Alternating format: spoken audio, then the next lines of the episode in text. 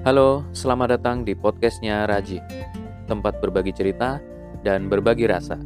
Podcastnya Raji adalah nama baru dari Raji Bersenandung. Ini adalah personal jurnal sederhana tentang catatan-catatan kehidupan. Anggap saja ini dongeng sebelum tidur, atau sekadar menjadi teman Anda yang suka ngoceh di perjalanan. Ya, yang penting berusaha menghibur sambil mencoba nyampein sesuatu yang mudah-mudahan bermanfaat. Episode ini adalah bagian dari tantangan 30 hari bersuara 2022 yang diselenggarakan oleh komunitas The Podcasters Indonesia. Selamat mendengarkan.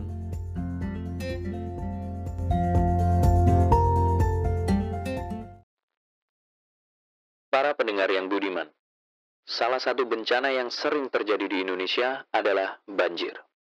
Setelah merantau ke Malaysia dalam rangka menuntut ilmu, saya menemukan Ternyata di Malaysia juga terjadi banjir. Tidak hanya di satu tempat, tapi di berbagai titik di semenanjung Malaysia. Jika ditelusuri, banjir di Malaysia sudah ada mungkin sejak tahun 60-an. Perkiraan antara awal atau pertengahan 2022 lalu, saya kurang pasti ingat bulannya, ada kabar bahwa teman-teman saya sesama mahasiswa Indonesia yang tinggal di Shah Alam harus mengungsi karena tempat tinggal mereka terdampak banjir. Bahkan sampai saat ini, perihal banjir ini masih belum selesai. Masih banyak wilayah di Malaysia yang banjir dan banyak penduduk terkena dampaknya. Dengan melihat kejadian ini, semakin membuka mata saya bahwa persoalan banjir bukan hanya bencana di Indonesia, tapi juga di negara-negara di dunia yang mungkin pengelolaan pengairannya perlu untuk dievaluasi. Banjir di Malaysia bisa jadi bukan karena kelalaian penduduk atau pemerintah, tapi bisa jadi juga karena kelalaian hanya saja belum disadari. Kita coba renungkan. Di Malaysia, jika saya melihat dalam hal manajemen sampah, saya sendiri lihat jika sampah dikelola dengan baik di sini, meskipun masih saya lihat sekedar permukaan. Maksudnya, cara saya melihat masih di permukaan saja. Saya masih belum mendalami bagaimana pengelolaan sampah di sini. Masyarakat lebih teratur dalam membuang sampah, meskipun masih saja ada yang sembarangan buangnya. Tapi, saya rasa peralatannya sudah memadai. Truk sampahnya juga sudah bagus. Sungainya juga nggak mampet, begitupun parit-parit di depan rumah. Nah, dilansir dari CNN, yang membahas tentang penyebab banjir di Malaysia menurut para ahli. Perubahan iklim merupakan penyebab utama terjadinya banjir di Malaysia. Bahkan, terjadi di banyak titik. Titik-titik tersebut ada di semenanjung Malaysia semuanya, yaitu di Selangor, Negeri Sembilan, Kelantan, Pahang, Melaka, dan Terengganu. Mungkin juga di wilayah-wilayah lain. Hebatnya, Malaysia juga punya portal tentang banjir, yang kita bisa mengetahui wilayah mana yang harus waspada, ketinggian air, dan lain-lain. Sebagaimana disebutkan dalam berita tersebut, seorang ahli lingkungan bernama Rinald Siu mengatakan bahwa banjir yang melanda beberapa negara bagian adalah contoh yang jelas terkait cuaca tak terduga sebagai akibat emisi karbon yang tinggi. Siu berkata, saat kita mengeluarkan karbon dioksida ke atmosfer, yang cenderung terjadi adalah menciptakan efek kebocoran atmosfer global. Perkataan Siu ini seperti dikutip dalam channel News Asia. Jika dilihat lagi bagaimana perilaku masyarakat di Malaysia berdasarkan kacamata saya yang masih buram, terlebih dalam memandang pakai kacamata lingkungan dan masyarakat, Artinya saya masih perlu belajar lagi. Masyarakat di Malaysia sudah cukup teratur. Mereka bertindak sesuai peraturan, tidak mempermasalahkan sesuatu yang bukan berkaitan dengan dirinya, dan kehidupannya sudah beranjak dari tradisional ke modern. Jarang saya temui orang berjalan kaki untuk berpindah dari satu tempat ke tempat lain, kecuali jika jaraknya dekat, atau mahasiswa yang berada beraktivitas di dalam area kampus, atau mungkin di pasar. Kebanyakan menggunakan mobil dan ukuran jalan rayanya cukup lebar. Malahan, sepeda motor bisa lewat jalan layang, asal sesuai jalur aja. Masyarakat yang menengah ke bawah sudah bisa memiliki mobil. Di gedung-gedung atau tempat kerja, mungkin juga tempat pendidikan, banyak dipasang AC atau kalau di Malaysia disebut aircon. Air conditioner disingkat. Wajar karena di sini sangat panas, maka ruangan ber-AC adalah keharusan, mungkin kebutuhannya. Malah rumah-rumah juga menggunakan AC. Kemudian untuk menghemat lahan, tempat tinggal tak lagi rumah biasa yang di atas tanah langsung. Namun beralih ke flat atau apartemen, yang lantainya bisa lebih dari 10 lantai.